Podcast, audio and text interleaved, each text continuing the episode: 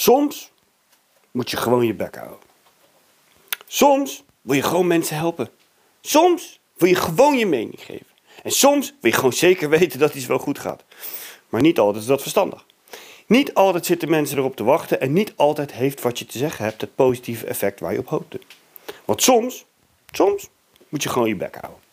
Ik ben er zelf net zo schuldig aan als een andere. Ik wil altijd iedereen helpen, want dat is natuurlijk wat ik doe. En alleen zit niet altijd iedereen te wachten op, op de of mijn waarheid. En ook zit niet iedereen altijd te wachten op jouw waarheid. En soms is jouw mening net even niet wat iemand nu nodig heeft. En soms kan het zo zijn dat je denkt de situatie te begrijpen, maar het eigenlijk alleen maar erger maakt door juist nu wat te zeggen. Dus soms, soms moet je gewoon je bek houden. Niet altijd, maar er zijn vast momenten waarvan je nu denkt van, eh, eh, ik ga beter mijn bek kunnen houden. Ook dit is een onderdeel van wie je bent.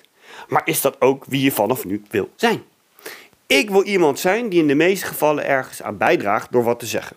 Dus dat betekent dat ook ik, zelfs ik, soms moet denken: hou gewoon even je bek nu. Dus wie wil jij zijn?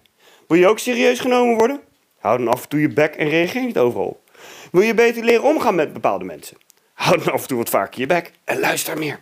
Of wil je eindelijk rust in je hoofd? Hou dan ook vooral wat vaker je bek en je zal zien dat het een stuk rustiger gaat worden.